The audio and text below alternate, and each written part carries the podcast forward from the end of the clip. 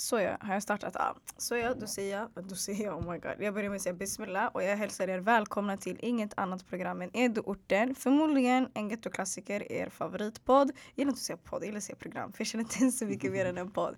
Men normalt sett så lyssnar ni på iTunes, Soundcloud, Spotify. Där poddar finns, finns Eduorten. Vi har en egen hemsida, eduorten.se. Vi finns på Twitter, Facebook, mail eh, Instagram, oh my God, jag glömde det viktigaste. Instagram. Och ni har ingen annan än er programledare Jasmin Nasser. Eh, jag är chock-hypad idag. Jag är fett hypad. Som ni vet så är vi inne på temat hoppbärare. Så jag hämtar folk basically bara när jag kollar på dem. Jag tycker jag får hopp. 100%. Det kan handla om deras historia, kan handla om deras karaktär, kan handla om vad som helst. Men bara människor som förmedlar hopp. Jag känner bara att allt, allt, allt de kommer med bara är hopp. Så jag kallar temat hoppbärare och eh, alla som kommer eh, har något speciellt och unikt. Eh, vilket alla har egentligen. Men yani, det är under ett speciellt tema. Så idag har jag gäst. Vissa gäster, eller jag säger det här till alla gäster. Det finns intro man kan göra om men det finns inget intro som räcker till. Men den här personen är educated, yes. Har en kandidatexamen i samhälle och kulturanalys från Linköpings universitet. Även en master i, man kan kalla det mediekommunikation. Blev väldigt uppmärksammad över en artikel då personen hade sökt 280, ja, 280 eh, plus jobb eh, och på grund av, på grund av var väldigt så, överkvalificerad för typ allt personen sökte men aldrig fick jobb. Eh, det skrevs en artikel om det, blev väldigt, väldigt uppmärksammad. Och idag så jobbar han som CSR-ansvarig på Hammarby Um, ja, och det är en broder från orten, det är väl viktigast. Så jag hälsar ingen annan än Abel Abraham välkommen. En applåd! Ni applåderar alltid mina gäster. Jag applåderar mig själv också. det är så det ska vara. Men du, hur mår du? Jag mår bra tack, jag mår bra. Hur mår du? Är det bra? Jag mår bra, thank God, alhamdulillah I'm good. Du, ska du ta ditt kaffe bredvid dig? jag har svept den redan. Det, det, ja, det är slut. Oh my god. Ah, ja. jag, gav, du vet, jag ville ge dig en jättestor kopp kaffe ah. för du ville ha så det var så I want coffee. men så jag bara, jag kan ge henne lite mindre, det blir för mycket du vet. Men ja, du slukade den snabbt. Nej men det är bra att du inte gav mig för mycket heller. Alltså en kopp det räcker. Det blir för ja. speedat alltså, det blir too lite, much. Lite. Men gav jag, dig, um, gav jag dig en bra in, eh, introduktion? Ja, jättebra. Extremt fina ord. Eh, väldigt, eh, väldigt, eh, man blir varm i kroppen. Ja, jag känner att jag bara börjat. Oh God, jag vill så dyka in i hela grejen. Men jag tänker normalt sett det vi brukar göra med våra gäster, mm. de presenterar sig själva. Då är namn, ort, ålder, sysselsättning typ. Och så nämner man det man vill nämna. Så varsågod. The stage is yours. Tack, tack, tack. Eh, Abel Abraham.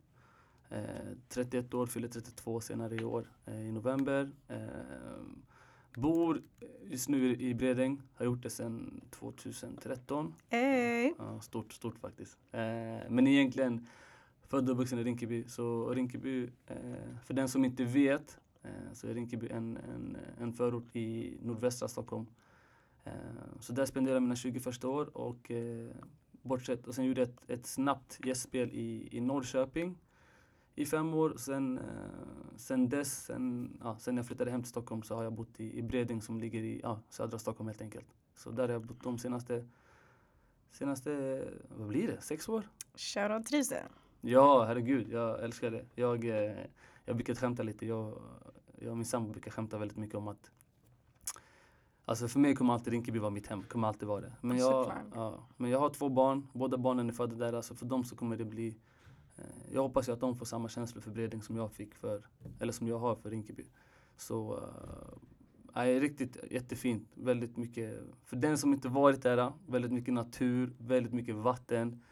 Eh, lugnt, fint, bra människor. Alltså det är bara, det är bara nice. Alltså, det är nice. Bredäng is the place to be. Mm. Is the place to be. Um, du nämnde namn, ort, ålder, sysselsättning. Vad gör du?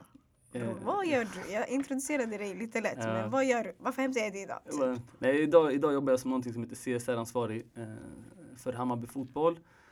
CSR-ansvarig, CSR står för Corporate Social Responsibility, så det handlar egentligen om vad företag gör ute i samhället. Eh, Hammarby Fotboll är ja, en fotbollsförening som, eh, som har sina rötter i södra Stockholm. Eh, en, av, en av landets största fotbollsföreningar. Eh, och där har jag varit sedan 2014. Innan dess jobbade jag lite på Svenska fotbollsförbundet och innan dess så jobbade jag på eh, jag pluggade innan dess eh, och sen har jag haft lite annat, andra jobb också. Men det är det jag gör idag, jag jobbar för Hammarby Fotboll. Mycket med frågor kopplade till vad vi gör ute i samhället helt enkelt. Fett coolt, fett coolt. Mm. Låter fett nice. Um, och vi kommer gå in lite mer på det. Så jag tänker eh, hur vi kom i kontakt och varför jag hämtade dig. Mm. Vårt tema är hoppbärare. Så jag satt hemma och funderade. Jag, bot, jag tänkte så här, okej. Okay, vilka gäster kan jag hämta som förmedlar hopp? Så jag tänker, tänker, tänker. Så jag vet att jag läste en artikel för ett tag sedan som blev väldigt uppmärksammad och då kommer bara få toucha den snabbt också. Det är inte det vi ska fokusera på men det är också en typ såhär en viadukt till whatever we talk about. Så um, jag tänkte på det, jag läste artikeln, jag har sett det lite på olika ställen, saker blev väldigt uppmärksammade och jag tänkte på att det här verkar vara en jätteskön person. Um, vet att du håller på med väldigt mycket så samhällssaker.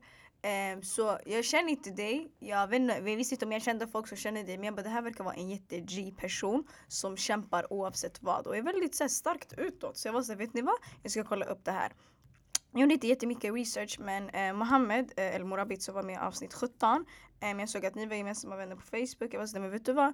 Låt mig höra av mig till honom Så jag bara, ey vet du vad? Jag, för, eh, jag försöker få tag på den här Abel Han var såhär, oh my god ska han vara gäst i din podd? Han är perfekt, han är perfekt Han var jag läser det så hämtade jag dig och eh, det var typ det och jag var sådär din historia sen tidigare, jag har inte hört allt men jag har hört ganska mycket ändå både liksom det som eh, syns ut och, och det du har berättat och det du kommer att berätta men mycket handlar om typ såhär, jag får väldigt mycket hopp. Eh, mycket av din historia handlar mycket om att kämpa och tro på sig själv. Och aldrig våga sluta drömma riktigt. Så jag var sådär, den här historien vill jag höra och den här historien vill jag jättemycket lyfta fram. Mer personen du är och mer det du gör och det, du, det som kommer att bli till det du gör typ. Oh my god, blev det rätt? Ja ah, i alla fall. Det, jag vet inte hur jag ska förklara det men du sitter på väldigt stora saker. Du har gjort väldigt mycket och jag tänker mig att du kommer gå väldigt långt. Inte tänka mig, du kommer göra det. Um, och jag känner att alla andra har exakt samma förutsättningar. Bara man väljer att tro på sig själv och sin idé. Så was det why not hämta Abel? Jag hörde av mig till dig, kom i kontakt med dig jätteenkelt. Du var väldigt öppen för det och så. Och så hämtade jag dig så var det inte så mycket mer än det. Så tack så mycket för att du ville komma. Vi är väldigt ärade på Edorten. Eller jag är väldigt ärad för att hämta dig. Det är jag som tackar. Jättekul att få komma bara egentligen. Jag tycker det, det alltså, när du hörde av dig första gången, jag, alltså jag sa ja direkt. Alltså jag, sanningen, jag älskar sånt här. Jag tycker det är jättekul. Jag gillar, jag gillar, eh, jag älskar driftiga människor. Jag älskar människor som ändå vill någonting. Eh, spelar ingen roll vilken storlek, men ändå folk som ändå säger, det här tycker jag är kul, det här vill jag göra. Eh, och jag tror att det är viktigt att man, är man en del är man en del i, liksom, i den omgivningen så tror jag att det är viktigt att uppmuntra och pusha sånt här. Pusha för att folk får göra det de tycker är kul och, och, och bra helt enkelt. Så nej, alltså eh, Sanningen jag ska tacka, jag tycker det är jättekul att få vara här bara. Och det var det bästa kaffet jag någonsin druckit. Oh my God, tack. oh, det var det som gjorde den, den var klar.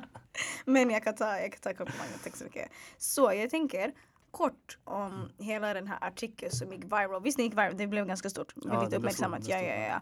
För du har ju senare också du kommer gå in på lite av dina projekt du gör. Du har varit med i Malou efter 10 för du har vunnit lite priser. Du har vunnit Årets revanschist.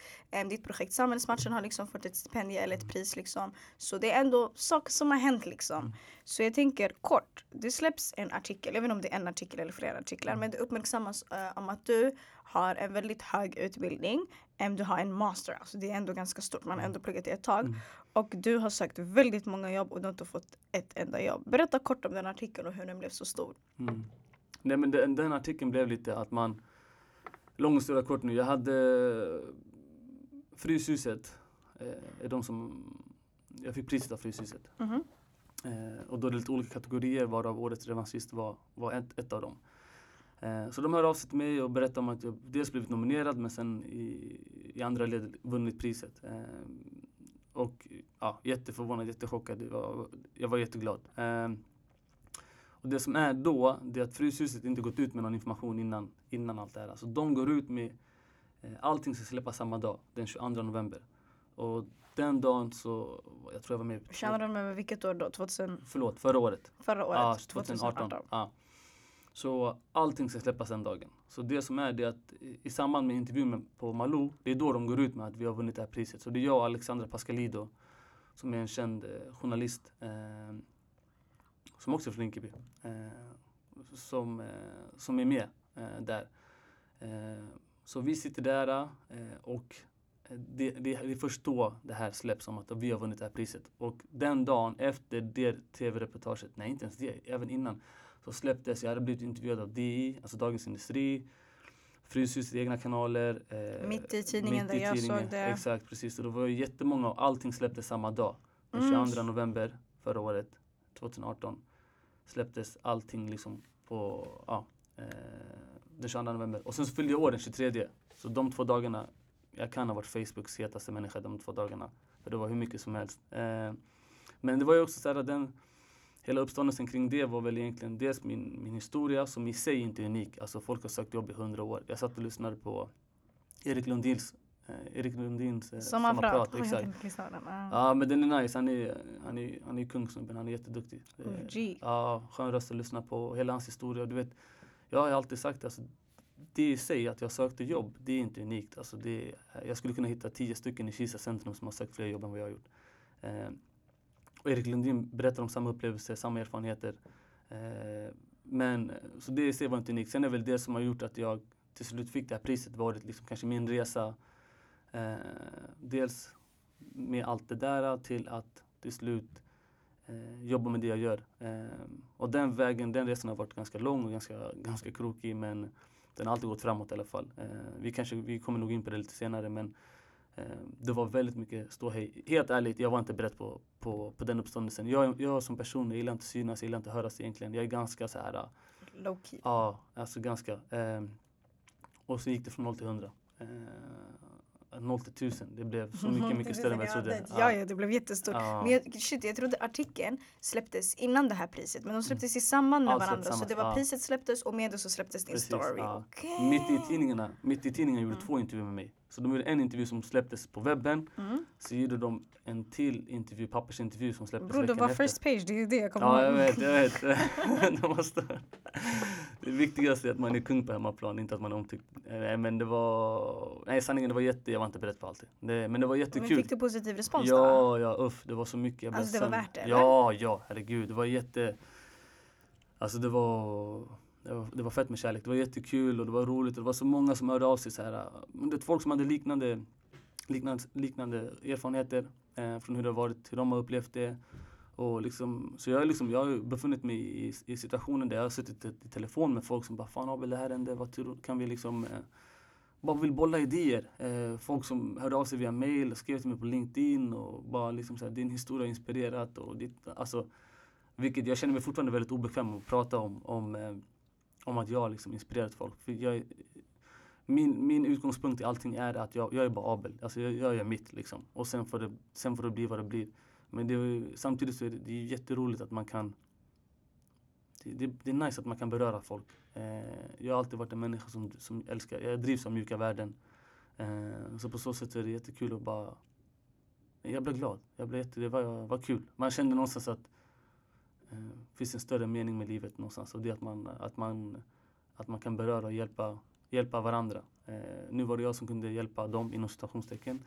Men eh, jag har ju kommit i kontakt med människor som, som har hjälpt mig i livet och det är nej, bara kärlek. Sanningen, det var jätte, jättekul. Jag kan tänka mig det är fett nice. Jag tror alla vi kan ju beröra varandra på olika mm. sätt också. Mm. Så det, det är fett chill. Det är mm. därför sånt här finns. Det är därför jag älskar Edorten. För då får man också lyfta fram det. Mm. Så me lover, me lover. Så jag tänker från att hela den här grejen släpps, det blir årets revanschist och mm. allt det där. Det var förra året, det var nyligen alltså. Ja, ja, nyligen, alltså max ett år sedan. Mm.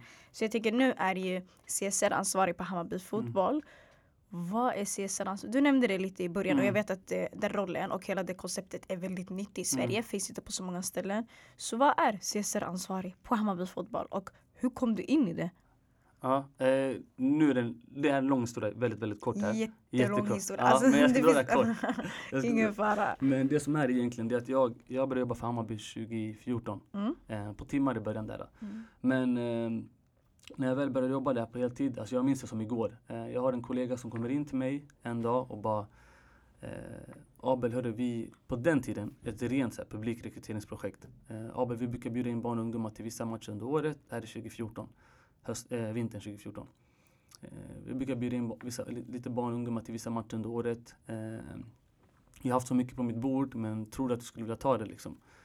Och jag har jobbat mycket med barn och ungdomar. Eh, jobbat som liksom, jobbat på, på Rissneskolan som fritidsledare, jobbat på Gluggen. Shoutout till Rissne. Ja, faktiskt mycket kärlek till Rissne. Eh, det är en förort i västra Stockholm. Yes. eh, jobbade på Gluggen som är en fritidsgård. Det var eh, ungdomsgården i Rissne. Eh, jobbat som fotbollstränare, killgrupp. Jag har gjort mycket med barn och Så du har varit väldigt inne i civilsamhället i orten? Ja, herregud. Jag älskar, alltså jag älskar barn och ungdom. Jag tycker det är jättekul. Ehm, och eh, kände hela tiden direkt att när, när min kollega presenterade det här att det, fotboll har varit en arbetarklassport men det är inte det på samma sätt längre. Det kostar att titta på fotboll, det kostar att spela fotboll. Eh, jag vill jobba för att jag vill jobba mer inkluderande och inte exkluderande eh, och kände att det finns jättemånga barn som älskar att kolla på fotboll. Jättemånga familjer som ska älska att kolla på fotboll. Eh, och sen att kände jag allmänt generellt att det finns mycket potential i det här. Eh, när det började så var det ett rent så här, publikrekryteringsprojekt. Eh, och jag kände ganska tidigt, jag är väldigt amerikaniserad. Eh, inte som person, men väldigt mycket, jag kollar väldigt mycket på amerikansk idrott. Alltså väldigt mycket på NBA, väldigt mycket på NFL. Där, Han är en NBA-3 om ni undrar. alltså jag eh, har alltid kollat väldigt mycket på basket och på, på amerikansk fotboll. Eh, och hela tiden känt att de av olika anledningar, de har större ekonomiska resurser, alltså de olika klubbarna i, i typ NBA, eh, större ekonomiska resurser, förutsättningar. Men jag har hela tiden känt att om de, och de har jobbat med den här, de här typen av projekt i flera, flera år. Så jag har hela tiden känt att om de kan göra det, då kan vi också, kanske inte i lika stor omfattning, men vi kan göra någonting där vi på ett tydligt sätt visar att vi, vi bryr oss om vårt liksom, geografiska närområde. Eh, Bayern, Bayern är, det är smeknamnet för Hammarby. Eh, och Bayern har alltid, vi har liksom vår kulturella utgångspunkt i, på Södermalm, söder, söder om söder.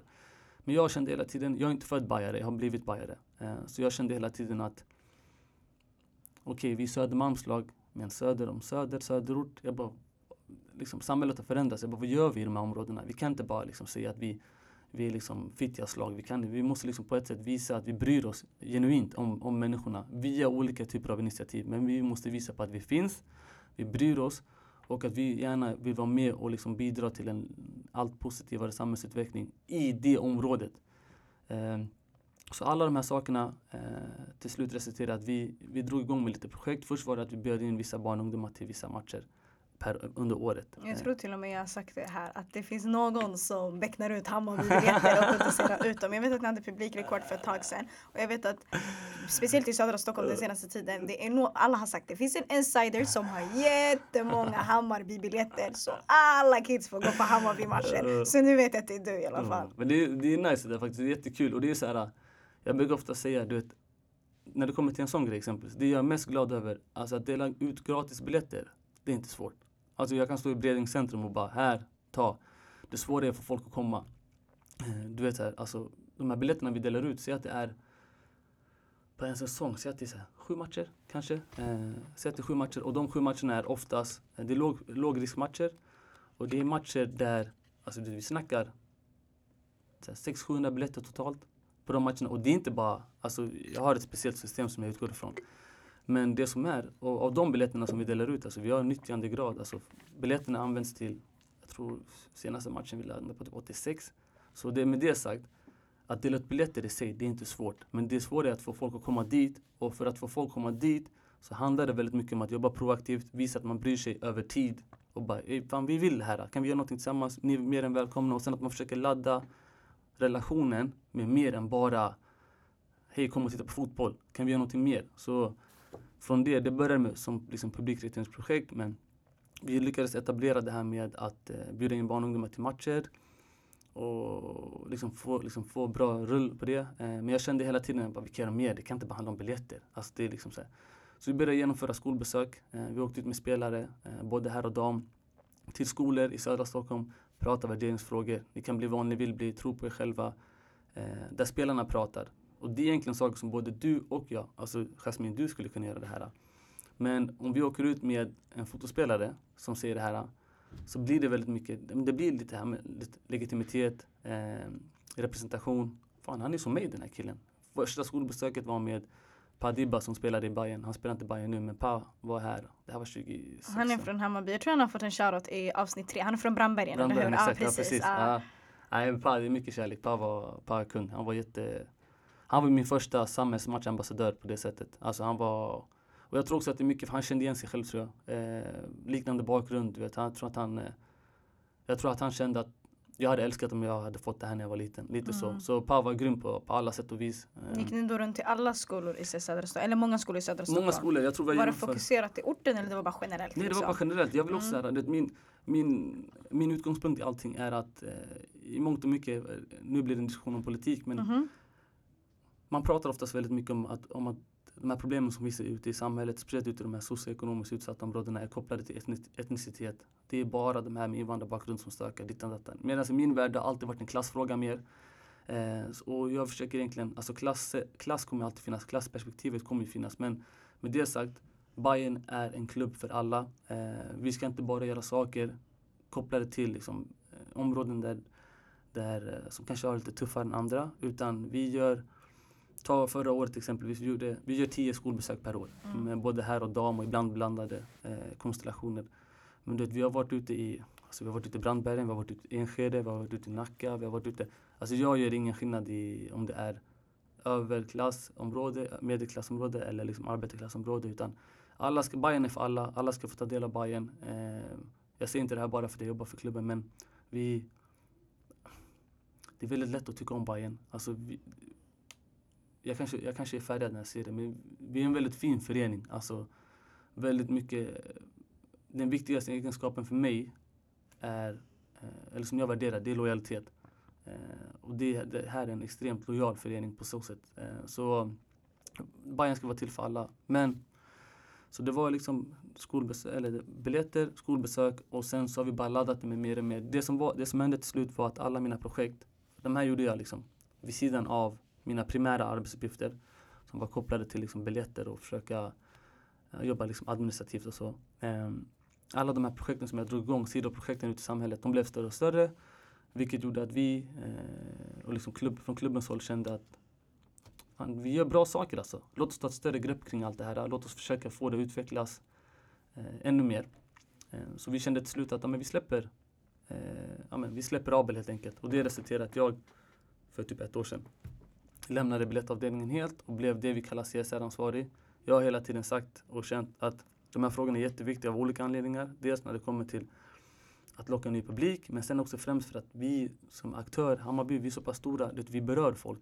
Eh, vi har ett projekt, eh, ett samarbete med Arbetsförmedlingen, där vi tillsammans med Arbetsförmedlingen försöker få ut människor på jobb. Och det resulterar i någonting som vi kallar eh, karriärdagar.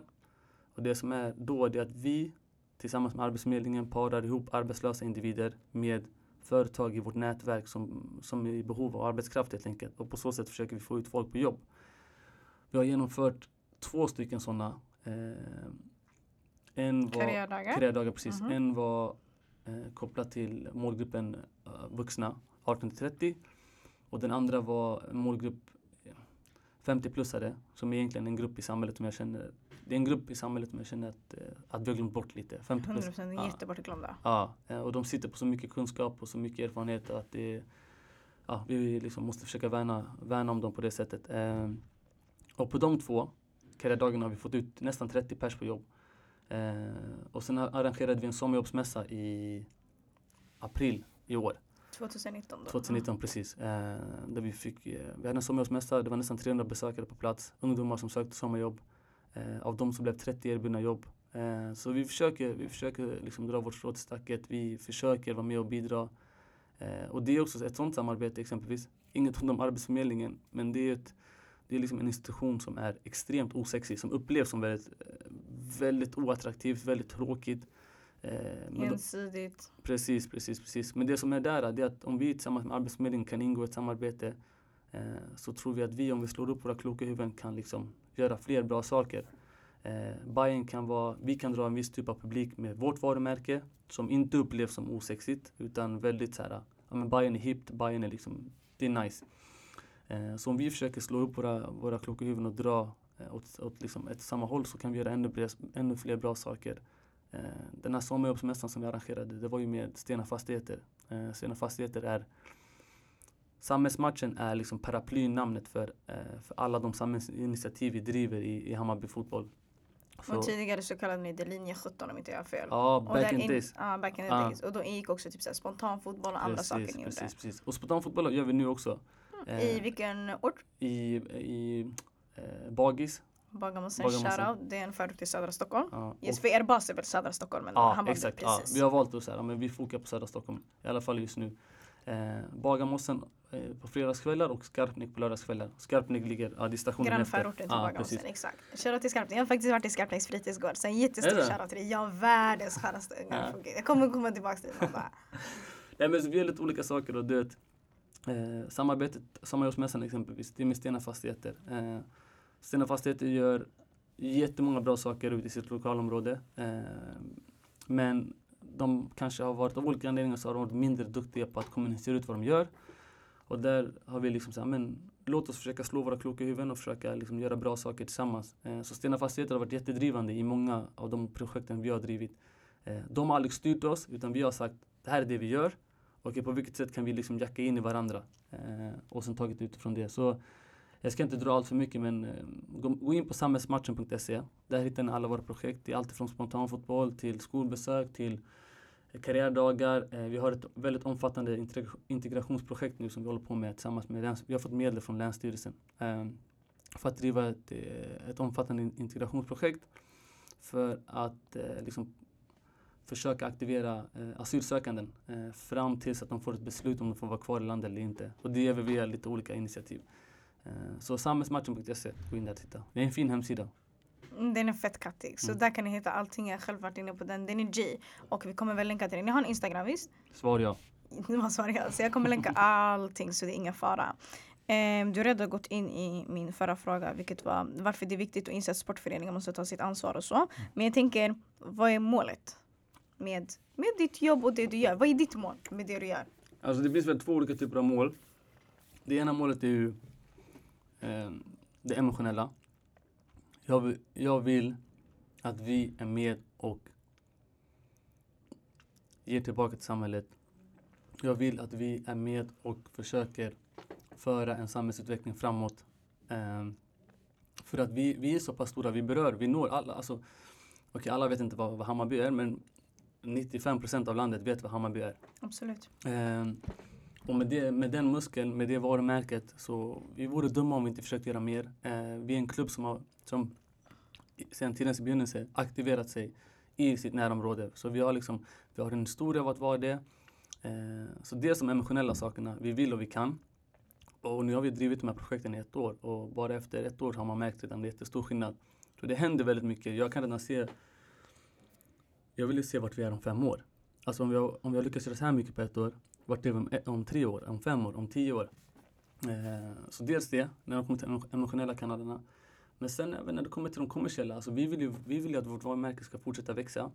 Eh, konsumenten idag, konsumenten slash supporten idag är betydligt mer medveten, betydligt mer kunnig. Mycket hänger ihop med internet. Eh, väldigt lätt att liksom läsa till sig av information.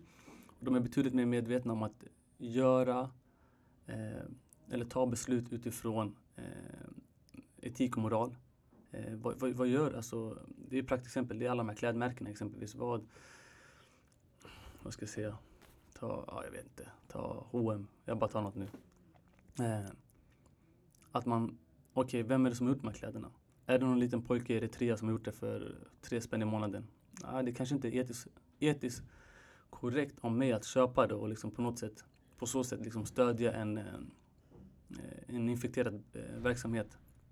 Eh, så utifrån det och det man märker också med de här projekten. Jag har drivit de här projekten i fem år på heltid sedan ett år tillbaka. Jag har fortfarande än idag aldrig fått någonting negativt kastat mot mig kopplat till något av projekten. Aldrig hört någon som säger varför gör ni det här och inte det här istället? Varför lägger ni inte ner pengar på det här? Aldrig. Eh, vilket egentligen betyder att eh, man gör någonting rätt. Man gör någonting rätt och det är någonting som folk är stolta över. Alltså jag vet ju bara när vi, när vi lägger ut bilder på skolbesöken på Hammarbys officiella Instagramkonto. Nu har jag ingen statistik på det på huvudet, i huvudet men alltså det, det, det är bland de bilderna som likas mest. Förmodligen för att folk känner, ja men vilken bra grej det här är. Så, att vi är mer än bara fotboll? Bara, bara mer. Jag har aldrig förstått varför vi ska begränsa oss. Alltså i min värld är det så här, okay, vi jobbar med fotboll, det är vår primära verksamhet. Vi jobbar med att 22, 22 personer ska sparka boll. Eller 22 nu, ännu fler. Men vi jobbar med att människor ska spela fotboll. Det är det som driver verksamheten framåt. Och jag köper det till 300 procent. Men det behöver inte bara vara det. Om vi kan vara så mycket mer än det. Alltså sanningen, vi, vi är dumma, dumma i huvudet om vi, om vi bara begränsar oss till det.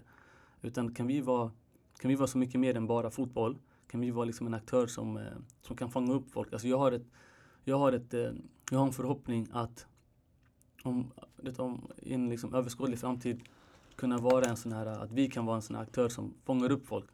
Att eh, vi samarbetar väldigt mycket. Alltså jag, jag tror stenhårt på samverkan.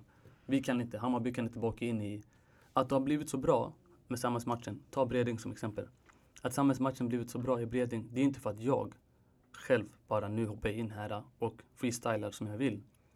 Utan det som har fått samhällsmatchen att bli bra i Breding, det, det är att så många i närområdet har valt att engagera sig och bara men Abel, det här är jätteviktigt, vi är gärna med, vi är gärna med.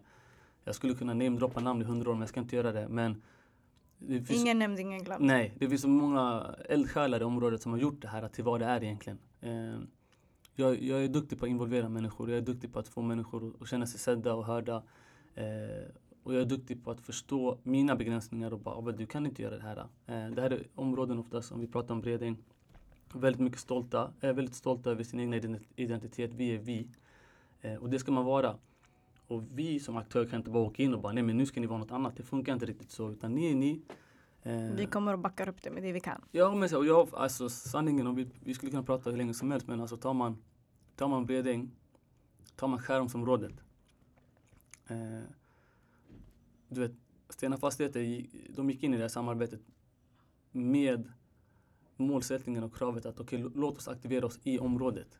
För de kände, men Bayern, ni gör jättemycket bra saker här ute. Vi vill gärna vara med för att vi har många, de har många beståndsdelar i området. Och du vet, alla de, de, skulle aldrig bli, de här projekten skulle aldrig bli så bra om jag hade kört själv. All, det finns ingen chans på jorden. Men eh, jag har fått så mycket hjälp, alltifrån fritidsgårdarna eh, i Bredäng och i Skäris eh, och Vårberg och Sätra eh, lokalfotbollsföreningarna, alla andra liksom, typer av, av verksamheter. Sen är det som allt annat, man får hjälpas åt. Eh. Jag tror saker går typ bara framåt och utvecklas när man väl börjar samarbeta och ja. samverka med varandra. Det är då vi kommer någonstans. Alla kan inte bara jobba på sitt håll. Nej precis, precis. Så det handlar om att clash it together. Exakt. Och folk måste vara, folk, individer, aktörer måste vara man måste vara prestigelös. Eh, stolthet är en jättebra grej att ha men det kan samtidigt vara något som dödar dig. Så man måste samtidigt vara väldigt prestigelös och bara ja, men lite så här, vi, vi, finns här för varandra, låt oss hjälpas åt.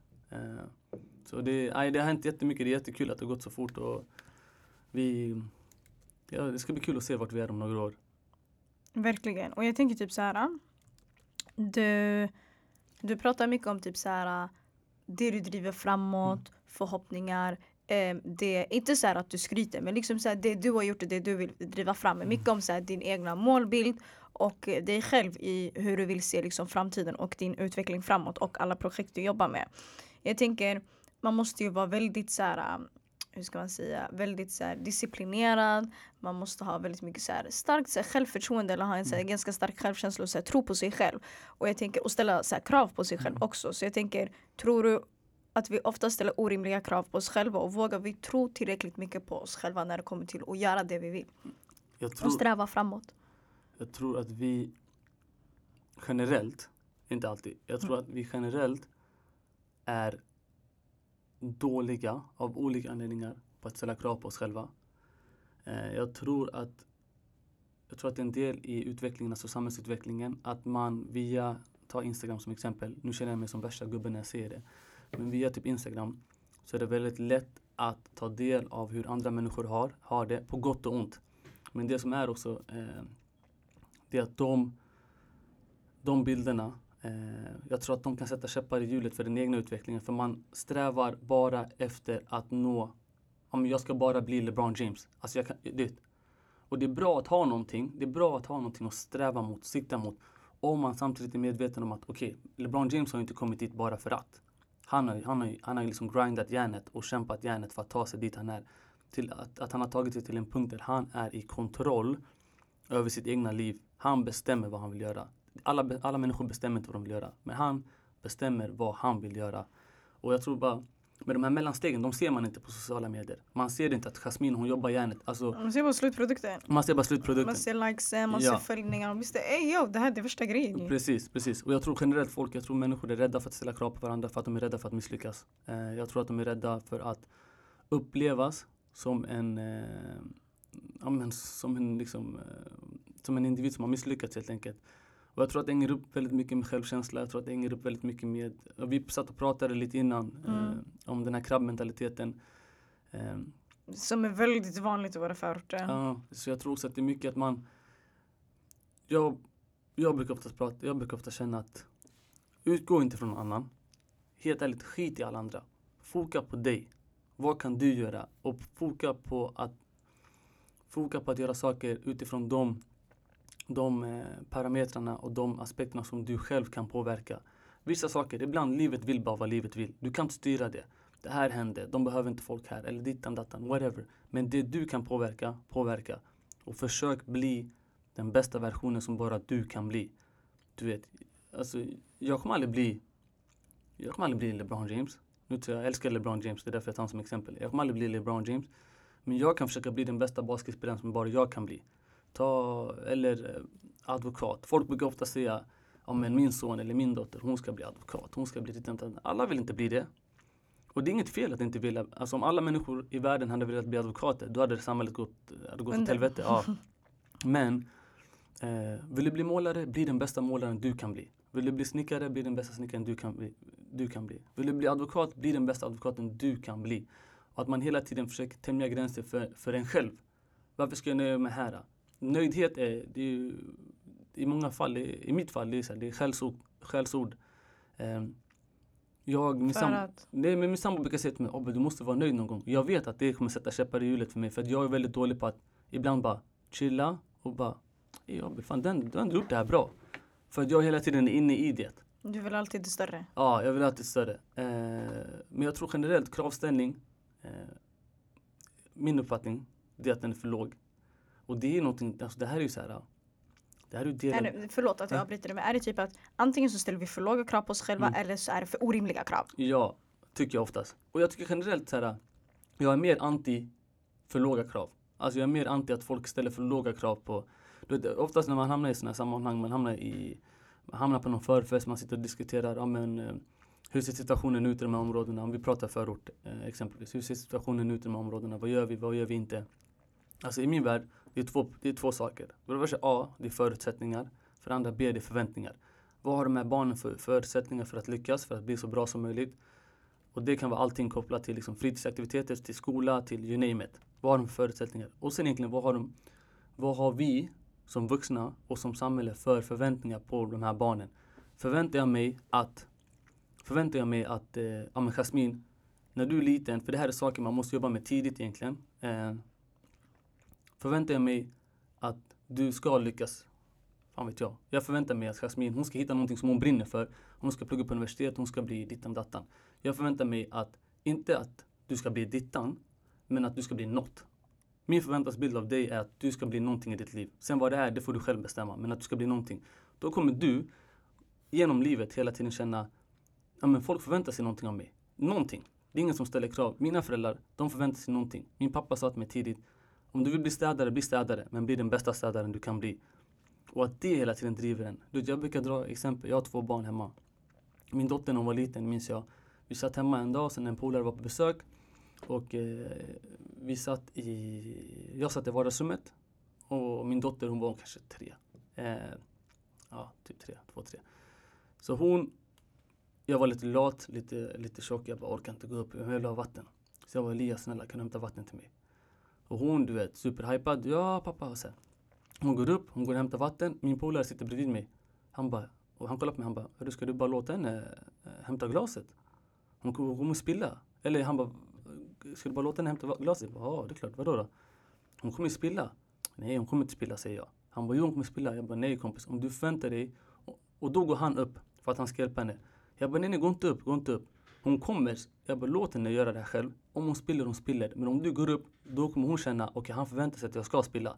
Och då kommer hon spilla. Om hon spiller att hon är själv, då spiller hon. Det är inga problem. Men att vi någonstans, jag förväntar mig att hon ska lyckas. Jag förväntar mig att du ändå ska försöka Om du om du misslyckas, du misslyckas. Det är inte mer än så.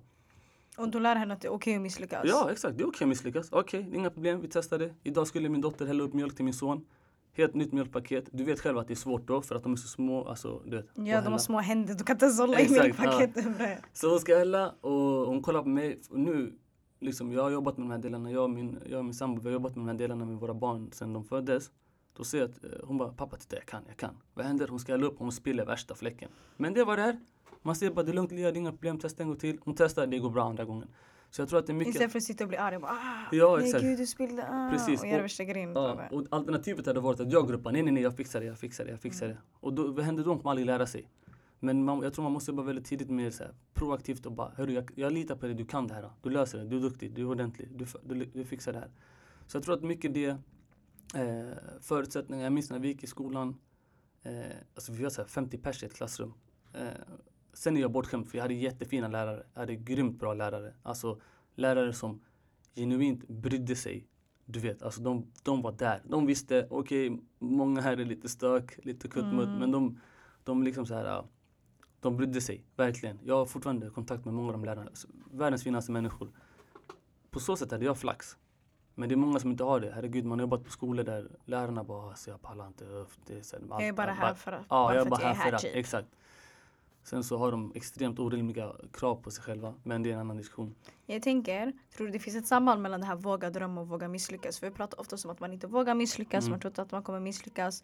Tror du det finns ett samband mellan att vi vågar inte drömma för att vi är rädda för att misslyckas. Men att misslyckas också är väldigt vanligt och att misslyckas är vägen till att lyckas egentligen. Och många av oss vet inte om det eller många av oss tänker inte så. Typ jag hade en konversation eh, igår med en nära vän till mig som också har sagt jobb i typ så ett år. Mm. Och typ så aldrig fått ett jobb. Och det är så jobbigt förstår du? Och man tappar lusten till slut för det är verkligen så här jag vet inte vad jag ska göra. Och då sa jag så här, men våga pröva något nytt eller mm. göra det på ett annat sätt. Liksom så här. Och vi satt och pratade om det. Då sa hon, jag vågar inte misslyckas. Mm. Jag bara, men du har gjort egentligen, du har gjort det Ja. tusen gånger för att du inte har fått något jobb. Mm. Men hon bara, jag vågar inte igen. Och jag bara, får dig att inte våga? För du har ju aldrig prövat det egentligen. Mm. Så tror du den här bilden begränsar oss av att vi är rädda för att misslyckas och vi är även på något sätt rädda för att drömma oss vidare eller Mm. drömma oss bort eller drömma oss framåt. 100 procent. 100 procent. Alltså det är bara, alltså jag kan tänka tillbaka när man var liten, när man var yngre och hamnade i diskussioner med kompisar eller du vet, eh, ja, men man satt, hängde med, med grabbar bara och så fort någon sa någonting så var det så ah bo, kolla på han, han tror han ska bli det här. Skojaren Ja, ja. exakt, precis. Det var alltid sådär, folk kommer alltid säga kolla shunon, han är knäpp, han tror han ska bli det här. Alltså det, det, har man, det har man hört sedan man var liten. Tror du det påverkar dig? Påverkade mig. Men jag tror definitivt att det påverkar folk. Till 300 procent, absolut. Folk är olika, du vet. Jag, alltså jag var väldigt stark i mig själv väldigt tidigt och bara väldigt mycket, lit, alltså väldigt mycket, vet du vad jag skiter i vad alla andra tycker. Jag har aldrig brytt mig, jag har aldrig varit den som säger, jag går hem och tänker, ja men Jasmine sa att jag var så här. Aldrig, aldrig, det är inte jag. Men du vet att den bilden finns på dig, att du aldrig kommer lyckas. Ja, ja och det är så här, för mig är det alltid så här, jag har alltid utgått från vad jag kan själv. Eh, och jag tror att det hänger väldigt mycket ihop med att mina föräldrar tidigt pumpar mig. Du vet, förväntansbild. Jag visste att det skulle vara tufft med jobb. Jag visste att det skulle vara tuffare för mig i samhället för att jag är och ser ut som jag gör. Alltså jag visste det. Och vissa kan säga att det är tuff kärlek, vissa kan säga att det är onödig, hård kärlek. Men det, mina föräldrar, speciellt min farsa, han sa till mig sen dag ett, till mig och mina bröder. Grabbar, ni är värda skit alltså. Alltså för många här, ni är inte värda någonting. Ni kommer, och det låter som en klyscha, men det är så. Ni är inte värda skit här. Det är sanningen. Ja, ni kommer få jobba hårdare. Ni kommer få liksom eh, och liksom på så sätt försökte han bygga oss och bara därför måste ni tro på er själva. För ni kommer komma, ni kommer liksom komma till eh, till, eh, till, liksom, till platser i livet, till punkter i, i ert liv och era liksom, interna diskussioner där ni känner så här, du vet, där ni måste vara trygga i er själva. Så på så sätt så förberedde de oss för, för vad som komma skall och på så sätt så kände jag när det väl skedde, när jag väl var med om saker, för Gud vet att jag varit med på, i du vet, allt ifrån. Liksom. mig att din väg inte heller varit enkel. Nej, men det är så, här, alla vi bär våra egna berättelser. Eh, det är så sjukt, jag kan sitta idag som vuxen, jag kan sitta och man pratar igenom saker som hänt när man var liten, man skrattar idag. Det är så här, du vet. Minns- då var det värsta ja, grejen. då var det så värsta. Du vet, jag kommer ihåg jag och min polare, vi blev jagade av, av rasister en gång. Eh, blev ra- jagade av rasister en gång och eh, i Skogås. Shit. Ja, och du vet såhär, alltså vi sprang. vi sprang alltså. Och min polare, du vet, han var snabb som fan. Han var jätte, jättesnabb. Och du vet, det var såhär, alltså, du vet, jag har inte varit superrädd många gånger i mitt liv. Men där var jag faktiskt nojig. Jag var typ 14 bast, 14-15 du vet. De här vuxna män, de hade ätit oss. Eh, men idag ska man sitta, idag sitter man och man är så avtrubbad på många sätt. För man sitter och skrattar och bara, eh, det är sjukt alltså. Du vet, alltså när jag berättar historien, jag skrattar. Men eh, där och då, det var inte kul. Herregud. Eh, det var inte alls roligt. Och, så man har varit med om väldigt många sådana sak, sjuka saker som på ett sätt ändå färgat en och präglat en i livet. Eh, och liksom på ett sätt påmint en om att ja men Abel, du är annorlunda. Men för mig har det alltid varit så här speciellt i diskussioner idag om vad är svenskhet, vad är dittan dattan. Du vet, jag är Abel. Alltså så här, det är, jag är, den, den jag är. Jag är den jag är. Du vet, jag är, jag är invandrare i Sverige, invandrare i Eritrea. Alltså det är så här. Invandrare i Sverige, invandrare. Det är första gången jag är här. men det blir så här, exakt. Jag, jag är född här, jag har ingen annat att relatera till eller utgå ifrån. Men det är så här, samtidigt när vi kommer till Eritrea så ser de, de bara beles, beles, beles. Det, liksom, jag kan förklara det. Belles är en frukt som växer eh, och eh, växer under sommaren. Exakt. Så när alla sommarbarn eller när alla diaspora-barn kommer tillbaka till Eritrea på somrarna så skriker man Belles. Mm. yani frukten som ploppar upp under sommaren. det, Seasonal, det kommer och det går. Exakt, det kommer och det går. Men för mig är det så här, det, det, det är fine. Alltså det är ingen så här, det är ingen eh, jag vet att många människor de, de liksom hamnar i de diskussionerna ofta så här, och känner så här, men vad är jag? Men jag är, alltid, alltså, jag är Abel. Alltså, det är så här, och det räcker för mig? Ja, det räcker för mig. Jag behöver inte vara så mycket annat. Eh, men jag tror det som du sa där innan också, med förväntansbild och risken för att uppfattas som ett misslyckande tror jag till 100% begränsar oss i vårt drömmande. Jag tror många av de här, många av de här barnen växer upp och bara du vet, det här, vi bor i Sverige också. Det är så här, okej okay, det finns klyftor och klyftorna har blivit större idag än vad de var för 50 år sedan. Men du vet, vi är inte i USA. Du vet, du kan födas du kan födas som liksom arbetarklass och bli överklass i Sverige. I USA är det mycket svårare. Tror du verkligen man kan om man vill? Ja, det tror jag. Det tror jag. Så här. Jag tror att du... Sen finns det alltid saker, det finns yttre faktorer som du inte kan påverka. Det är vad det är. Det kommer finnas folk som försöker dra tillbaka dig, det är vad det är. Men de sakerna, du, de... Du kan, du kan ändå inte påverka dem. Utan de, det du kan påverka, det är dina egna förutsättningar. Och att du försöker och det gör vi på olika sätt. Kolla på dig själv. Hey, jag ska plugga. Du hade kunnat chilla på arslet och bara, men du, jag ska inte bli något ändå. Samhället förväntar sig inget. Och vara nöjd med det. Men du känner, var, varför ska jag, jag, kan, jag, jag, ska bli den bästa versionen av mig själv. Jag ska bli så bra som möjligt, så bra som jag kan bli. Och liksom låtit det vara din drivkraft i livet. Och nu är du bara, vad sa du, 60 högskolepoäng från att vara klar. Ja, uh, hoppas jag. Ja, exakt. Och du är fortfarande ung. Tänk dig om, tänk dig vad du Tänk dig vad du kommer liksom inbringa i, i, liksom i glädje, i skratt, i goda minnen, i god förebild eh, om 10 år, om 20 år. Speciellt du som jobbar med barn och ungdomar. Så det är återigen yttre faktorer, det är vad det är. Skit i. Fuck it lite. Alltså, såhär, lägg fokus på dig själv. Lägg fokus på att jag ska bli så bra som jag kan bli. Jag älskar att se när folk, oavsett vad det är för något, du vet, jag ska bli någonting. Något. Jag ska kämpa för det. Ja, jag ska kämpa för det och förstå att det är ingenting som kommer gratis i livet. Alltså ingenting. Min farsa säger alltid, vad är det? Eh, ingen, vad, vad, inte pengar växer, ah, ingenting i livet är gratis. Han älskar, alltså, det är hans favoritreplik. Jasmin, ingenting är gratis i livet. Ingenting är gratis, ingenting är gratis, ingenting. Alltså varje gång jag tror något annat, varje gång jag flyger, varje gång jag gör någonting. Han säger Jasmin, inget är gratis. Inget är gratis, exakt. Men det är så. Inget är gratis. Han, även det du får gratis är inte gratis, Nej. bara så du vet. Precis. Och det är, så, det är verkligen så. Fan, vi var på hade det är sjukt egentligen faktiskt. Jag, lite som jag sa innan, jag har varit med om saker som har liksom ändå så Du är ändå, hur gammal är du? Jag fyller 32 i år. 32, 87, så, ja. ja. Jag har varit med om saker som har präglat mig och påverkat mig och liksom mitt liv och allt möjligt. Ett av de starkaste, ögon, starkaste, förlåt, ett av de starkaste minnena, eller ögonblicken är, det, påverk, det var inte så jag. jag hade, när jag jobbade, i, jag jobbade i, i Rissne så hade jag en unge som jag tidigt sa, den här snubben kommer bli rå kriminell eller president. Det finns mellanting. kriminell eller president. Ja, jag älskar alltså det, För det är så här, han, han var så duktig. Mm. Du vet. Eh, men det fanns ingen mellanting där. Alltså, antingen eller. Antingen eller. Och tyvärr är det många gånger så. Det finns ingen balans. Precis. Och han eh, och jag kände hela tiden för att han var, när, när du var själv med honom och satt och diskuterade så kände man, är en skarp unge. För han, han, han, det var smart, han kunde politik när han gick fyran, femman, kunde sitta och prata om liksom grundläggande politik, världspolitik. Eh, vilket egentligen betyder att han är ändå uppdaterad. Liksom mm. Omvärldsanalysen är på topp. Så, så i, i, det sammanhanget, när det kommer till att vara liksom, i den kontexten så var han jättebra. Alltså vet, när det kommer till att göra bus, han var kung. När det kom till att i vissa sammanhang sitta och diskutera, han var kung. Men i vissa andra sammanhang, där var han inte lika bra. Och då är det så här, vi sitter, kommer aldrig bort. Vi är ute på skolgården och ska spela, spela, spela fotboll. Och då är jag där och ska hålla koll på de här barnen. Eh, han är med och spelar. Han är inte ens topp 50 bästa på planen. Alltså du vet.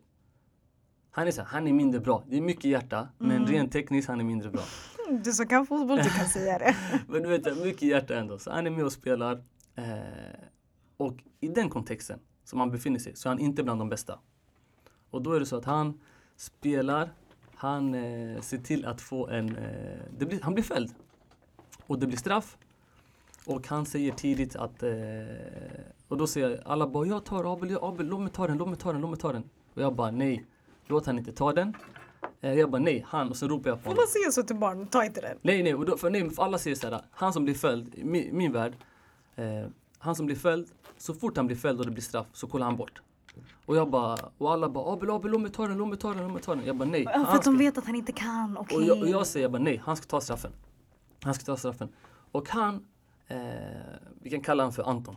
Eh, han heter något annat egentligen. Anton broder. Ja.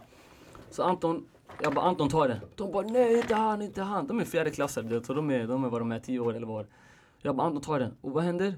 Det, det drar ut på tiden. Jag bara Anton tar straffen. Anton kommer till mig. Återigen, bara påminna.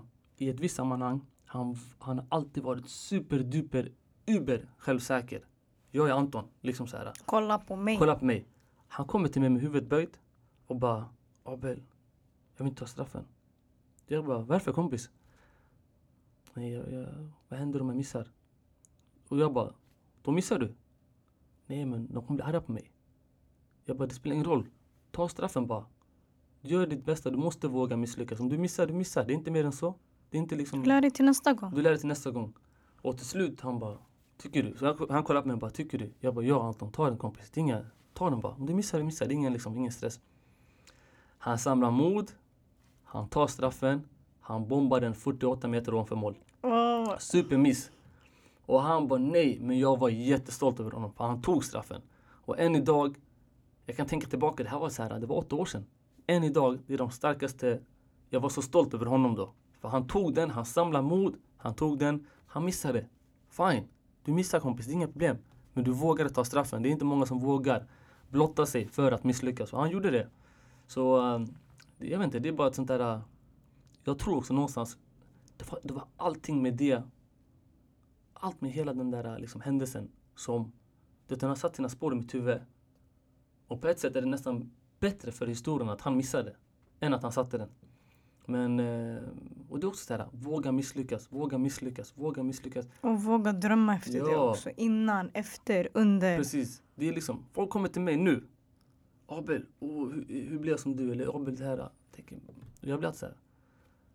Folk ser bara det här fina. Folk ser att man är med på TV.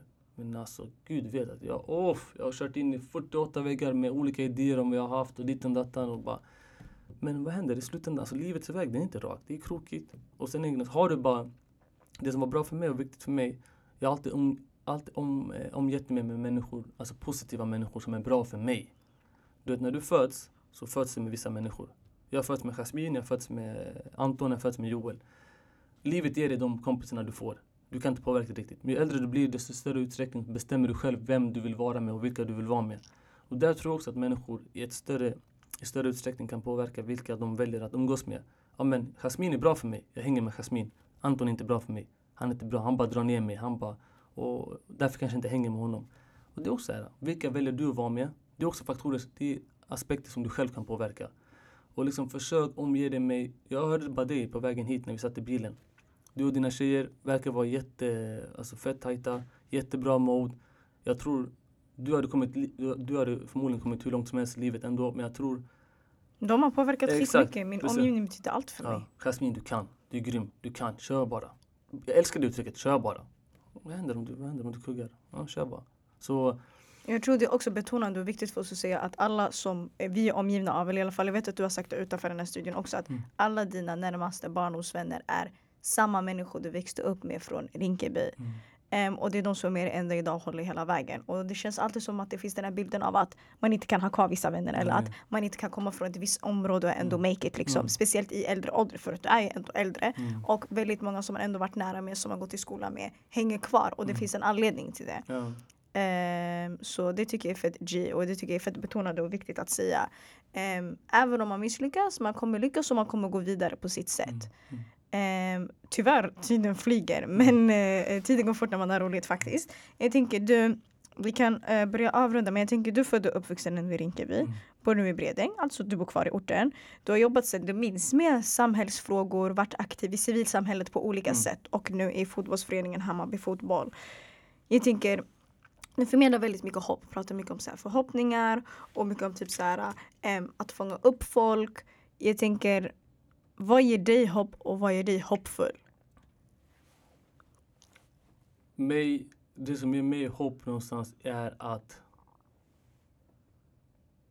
alltså mycket så här, du vet, en del med mitt jobb är ju att fortfarande när man jobbar med de sakerna man gör, det är att vara det är inget enkelt jobb. Det är Nej. svårt att jobba med människor, jättesvårt. Absolut, herregud.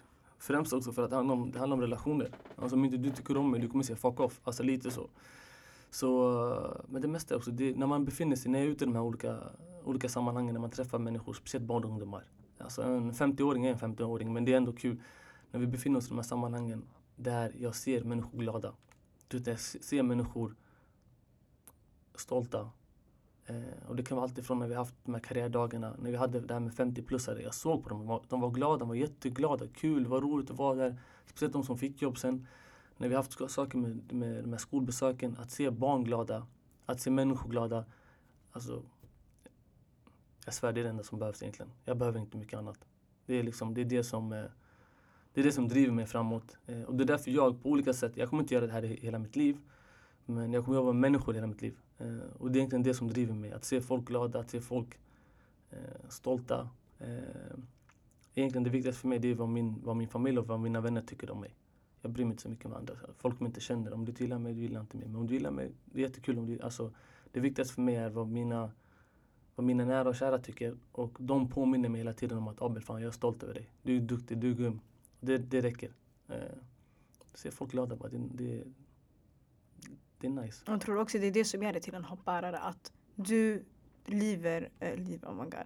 Du drivs och lever på hopp basically. Mm, och det du ser ut av varje dag. Absolut, definitivt. Och sen är det som allt annat. Det är som dina föräldrar. De vill att du ska ha det bättre än dem. Jag vill att mina barn och de barnen som finns här idag, vill att, jag vill att de ska ha det bättre än vad jag har, hade. Så, eh, och på så sätt, det handlar egentligen bara om, jag vill på bästa möjliga sätt ge dem så bra förutsättningar som möjligt för att hitta det de, hitta, så att de får hitta sitt kall i livet. Eh, och känna att de liksom till god, eller att de är med och bidrar. Eh, och sen hoppas jag på att de känner att de, när de blir vuxna, om jag kan hjälpa den nya generationen.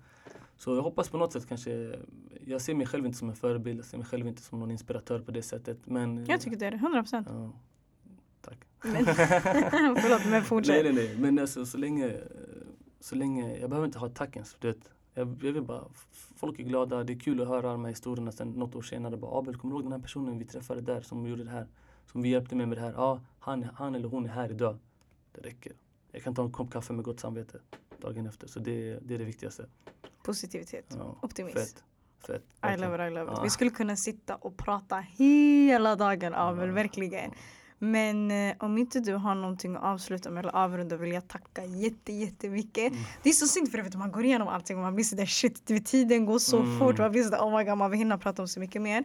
Men jag älskar det du lyfter fram. Allt det här med att våga drömma, våga misslyckas. Det är sånt här man vill höra, förstår mm. du? Speciellt när man har sett headlines, oh my god, så här många jobb senare, kolla lalala. Vi är duktiga mm. på att hypa mm. och man ska hypa på rätt sätt. Jag känner att jag hypar folk på fett rätt sätt här. Mm. Men det måste också vara en realistisk hype om ja, du förstår absolut. vad jag menar. Ja. Um, så jag tackar dig jättemycket för att du kom. Jag tackar dig um, för att du är en hoppbärare och att för att du driver vidare hopp. För det är hopp vi lever på, det är hopp mm. som driver oss. Det är hopp som verkligen kommer ta oss någonstans. Och jag önskar bara att vi har mer utav det. Vissa dagar är det fett enkelt, vissa dagar är det fett svårt. Men jag tackar dig för att du ville komma och förmedla det. Ja, nej, mycket. Tack en ära. Jag ska tacka verkligen, 300 procent. Jag, eh, jag får komma tillbaka om något år. 100% du får mer gärna komma tillbaka. Det är så kul för alla jag komma tillbaka, jag komma tillbaka. Oh my god, jag kommer få komma tillbaka men det finns så många andra som måste få komma. Ja, men eh, alltså samhälls... Hammarby fotboll hittar ni, alltså bror Hammarby ni hittar och Hammarby. Mm. Men samhällsmatchen eh, länkar vi. Um, jag kommer också tagga Abel Abraham på, all, uh, på alla, överallt mm. i alla fall.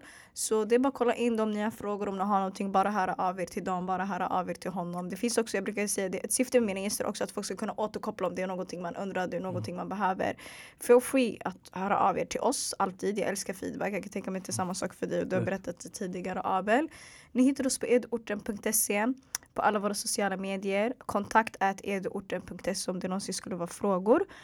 Tack så mycket för det här avsnittet. Tack så mycket Abel. Tack själv. Tack, tack. Ni får ha det bra och så hörs vi vid nästa avsnitt. Peace!